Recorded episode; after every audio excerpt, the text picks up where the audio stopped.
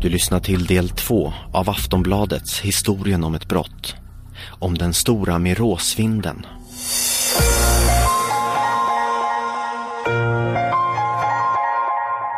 I Göteborgs konstkretsar sprids ryktet om finansmannen som är villig att köpa Miråblad för stora summor.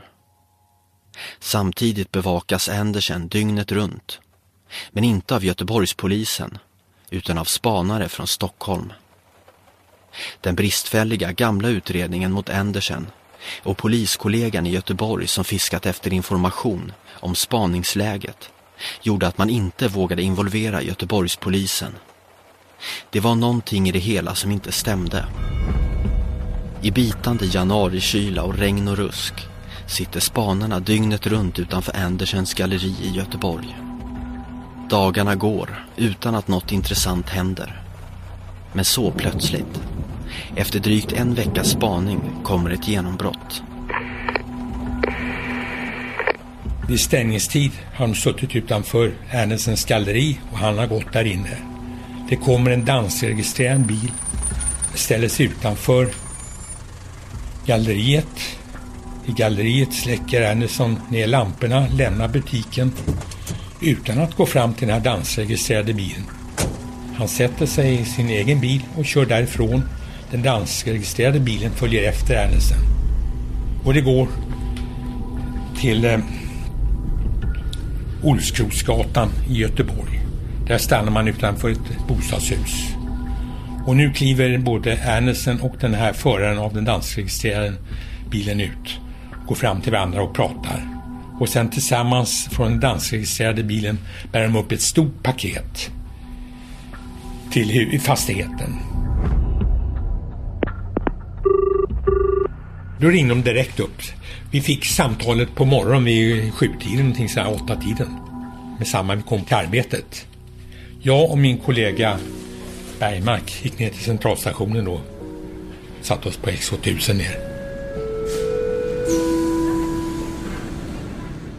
Vi kommer att göra uppehåll i Katrineholm och Skövde och sen slutligen Göteborgs station. Om en liten stund så kommer vi vilja skicka era biljetter så vi är tacksamma om ni har dessa och eventuella rabattkort nära till. När vi sitter på tåget ner då vet ju inte vi om det ska lyckas va. Att Härnesen ska gripas va. Men allting faller på plats. Och vi kommer lagom ner till eh, Göteborg. Då är den här Andersson gripen. Han hade gripits när han på förmiddagen lämnade eh, galleriet för att träffa den här finansmannen. Han hade ett stort paket på som innehöll över 210 grafiska blad av Miro. Det här var första gripandet, vilket i sig var ett genombrott för utredningen. Men det gjorde också att nya viktiga pusselbitar nu föll på plats. I förhören med den gripne Andersen framkommer att han arbetar på uppdrag av en annan person. En person som redan i ett tidigt skede förekommit i utredningen, men som han ännu inte gått till botten med. Andersen berättar att han fått sina falska Miråblad via en kontakt i Danmark. En person vid namn Flemming Hall. Det var ju Flemming Hall som tidigare sålt 103 grafiska blad till Couleur konsthandel i Stockholm. Men när Hall då för första gången dykt upp i utredningen så kände man inte till att han hade kopplingar till Andersen. Nej, vi hade inga belägg för kopplingar. Va? Men nu fann ju helt plötsligt alla eh, bitar på plats. Va? De är ju bekanta och känner varandra. Eh, indirekt så är det ju Hall som är arbetsgivare för Andersen. Och nu börjar ju här, nu är danskarna med på, på båten också. Och eh, de börjar vidta åtgärder. Inom en vecka var alla formaliteter avklarade och den danska polisen var redo att slå till mot Flemming Hall. Polismannen Olof Barton och hans kollega inbjöds att närvara som observatörer vid tillslaget i Danmark. Vi slog till hos Flemming Hall klockan fem på morgonen. Det blev eh, bingo där också. Det, det rörde sig om flera hundra grafiska blad. Osignerade och signerade. Det fanns Chagall, Picasso med mera. Han hade till och med verk och bilder på hur Miro signerade sina verk. Och eh, Flemming Handla var, eh, det var den fetaste person jag någonsin träffat personligen. Alla som träffat honom på något sätt talar jag om denna kopiösa man, feta man. Och det var ju även när vi var i hans bostad. Han var cirka medellängd och vägde över 200 kilo. Han var ju så tjock så han orkade ju knappast resa sig från sängen. Sen när vi håller på där och går igenom hans tillhörighet så kommer hans eh, fru eller sambo. Hon kommer med en stor bricka med läckra smörbröd. 10-15 stycken. Plus två stora petflaskor med eh, Fanta. Och vi tänker väldigt... Och kvinnan i fråga tog det väldigt lättsamt det här för hon tyckte det var lite spännande med poliser helt plötsligt på morgonen hemma i bostaden där. Och vi tänkte ju då att väldigt förstående kvinnor här som kommer med frukost där på morgonen för de var ju då mellan 5 till 7 som vi härjade i bostaden. Men eh, hon lämnar över brickan till Flemming Hall och inom loppet av högst fem minuter så har han stoppat i sig allting. Både två petflaskor Fanta och ett 10 till 15 smörbröd. Och så rapat. Så att eh, men han var ju så stor och tung. Så vi var tvungna att rekvirera en särskild skåpbil så att vi kunde dra in honom. För att kunna transportera honom till polishuset. Och eh, när han förstod att jag var svensk så gav han sig direkt på mig då och undrade sig vad jag hade gjort för förolämpningar mot eh, hans gallerist Andersen Och även mot polismannen i Göteborg. Han tog upp det självmant. Men hur kunde Fleming Hall veta att kumpanen Andersen gripits i Sverige bara en vecka tidigare? Och vad hade egentligen Hall för relation till polismannen i Göteborg? Samme polis som ett par år tidigare utrett just Andersen. Här var det definitivt någonting som inte stämde. Och svaret visade sig fanns hemma hos Hall. Det mest anmärkningsvärda i det här vid det här tillslaget, det var hans lilla arkiv. Där han hade mappar upprättat för de personer han hade kontakt med eller som var länkade till honom på något sätt. Och eh, en intressant sak vi hittade i registret var en mapp över en polisman i Göteborg. Där eh, det framgick att han eh, under senaste året bland annat lyft ett konsultarvode från hall på 12 000 kronor. Plus eh, att eh, Hall planerade att inviga honom i verksamheten att själv kunna få eh, sälja lite grafiska blad. Så att det var ju mycket besvärande. Då tackar man ju Gud att, att man gjort rätt bedömningar. För annars kunde det gått helt snett. Så ja, när jag kom hem eh, från Danmark så var ju bara sätta, eh, hade jag ju bara min skyldighet att sätta papper i maskin och anmäla en kollega för tjänstefel. Utredningen hade fram till den 30 januari 1991, då man gjort tillslaget hos Fleming Hall, vuxit i omfattning. Och kanske trodde man att utredningen nu var i mål. Men även om man inte visste det då, så hade man bara avslöjat toppen på ett isberg. Vid husransakan hos Flemming Hall hittar man en mängd färska faxmeddelanden. Meddelandena har han skickat till en kvinna i USA vid namn Hilda Amiel. Där han talar om, eh, berättar om incidenterna här i Stockholm och i Göteborg. Men att hon kunde vara alldeles lugn med anledning av den information han hade fått av sin kontaktman inom polisen. Men innan man fick klarhet i de här faxmeddelandena blev utredningen om de förfalskade med råbladen nu en stor nyhet över världen. Mark Mori, som då arbetade vid Bukowskis aktionsverk, hade inte hört någonting om utredningen sedan dess att han gjort anmälan om de suspekta med råbladen. Jag visste ingenting om, om, om utfallet utan en, en vacker dag så, så ringde de från och, ja, alla Sveriges Television och, och även från utländska tv-bolag. Man var helt, man var helt oförberedd så att det, var, det var ganska jobbig tid. Det var en världsnyhet, verkligen. Ja, men att det var så omfattande som, som det blev, det, det, det hade man ingen aning om. Helt otroligt alltså. Nu blir det en nyhet över världen. Så när vi sitter där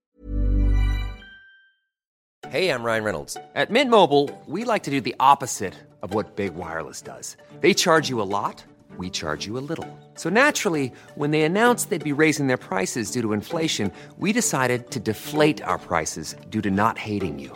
That's right. We're cutting the price of Mint Unlimited from $30 a month to just $15 a month. Give it a try at mintmobile.com slash switch. $45 upfront for three months plus taxes and fees. Promo for new customers for limited time. Unlimited more than 40 gigabytes per month. Slows. Full terms at mintmobile.com. uppe på i Stockholm på polishuset och försöker strukturera upp det här så får vi ett samtal från eh, John Ellis som är, arbetar vid FBI's postenhet som har att eh, handlägga konstbedrägerier bland annat. Och han berättar att vi ska ligga lågt. För de har haft den här familjen Amiel under uppsikt under många, många år. Det visar sig att Hilda Amiel, som Fleming Hall haft faxkontakt med, är väl känd hos den amerikanska federala polisen. Men vem är hon då? Kvinnan som så länge jäckat amerikanarna och som dansken Fleming Hall haft löpande kontakter med. Det hela började med hennes make Leon Amiel. En erkänd konstsamlare och bland de mest framstående amerikanska förläggarna av modern konst. Bekant med både Chagall, Dalí, Picasso och Miró. Men under 70-talet dras Leon Amiel in i en juridisk tvist.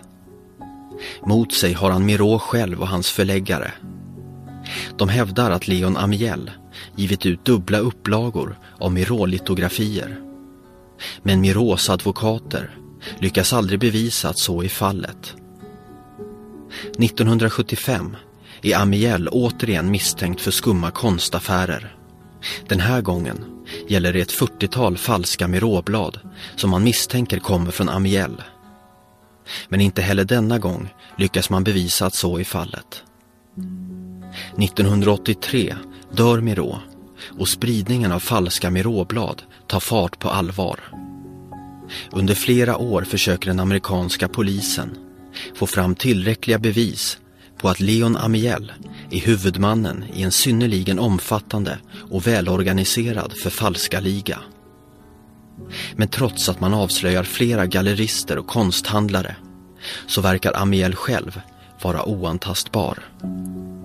1988 dör även Leon Amiel.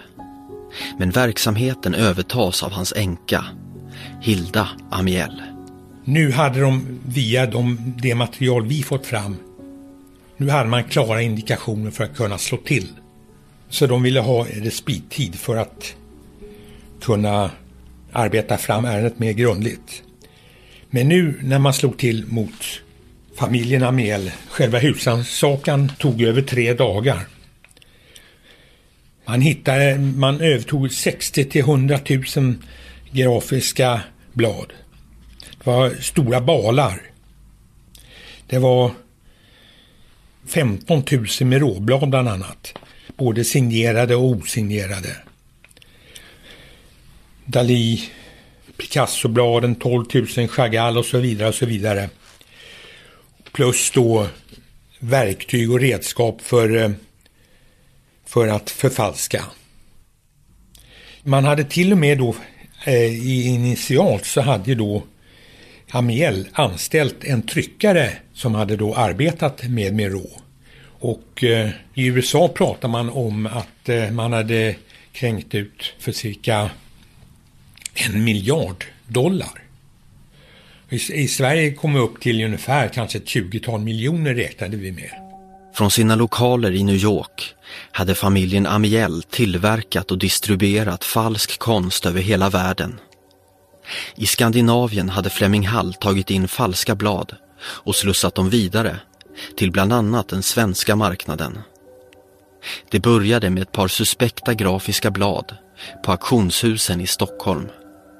Och det slutade med att ett av tidernas mest omfattande konstbedrägerier avslöjats. Och för de inblandade förfalskarna i USA och Europa väntade nu rättegångar med krav om skyhöga skadestånd. Men under tiden som utredningen bedrevs hade också det ekonomiska klimatet blivit kärvare. Den finansbubbla som Sverige befunnit sig i hade ofrånkomligen till slut spruckit. En bank och fastighetskris som länge legat och pyrt slog nu till med full styrka och ändrade helt de ekonomiska spelreglerna. Något som galleristen Claes Måser minns mycket väl. Och sen så inträffade då det som skedde hösten 90 egentligen. Då priserna bara ramlade ihop eh, värre än någonsin. Och i synnerhet i ett sånt här litet land, en liten marknad som den svenska blev ju extra påverkad av det här. Och det där sitter ju fortfarande i ryggmärgen tror jag hos de som var med i alla fall. Vi hör Mark Mori vid Stockholms auktionsverk. Men som vid tiden arbetade vid Bukowskis aktioner. Ja, alltså på den tiden man, man, man lånade pengar i, i av finansinstitut. Och det, man, det, gör man inte idag för, för att köpa konst utan det, det, är pengar som man har tjänat själv så att säga.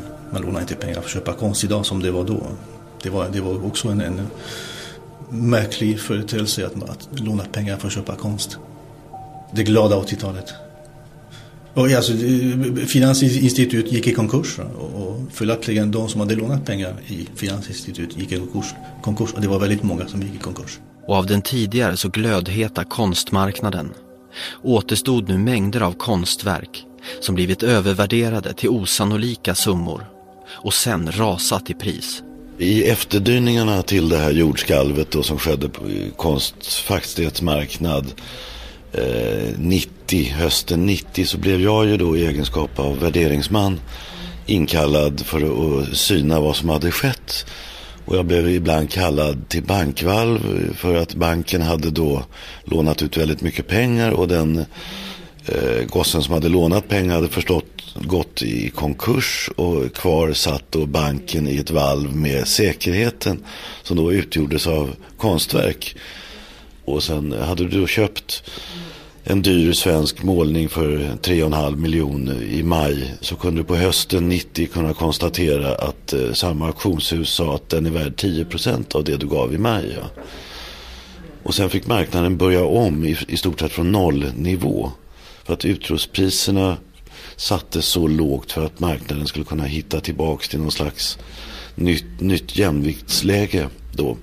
Eh, så att det där var ju en chockartad vandring i de olika bankvalven. Men ägde man ett äkta verk kunde man åtminstone trösta sig med det. Värre var det med dem som haft oturen att investera i till exempel falska miråblad. Blad som sen knappt var värda ens pappret de var tryckta på. Det, det blir en punktering av hela den grafiska marknaden. Den har aldrig kommit tillbaks riktigt efter det här. Folk kanske sålde sin villa och så blev de rådda till att placera pengarna i eh, konst. Och så gick de på många eh, mina då och köpte falsk konst då, som de la ner i bankfacket. Och, och sen förlorade de allting. Så det är många tragedier.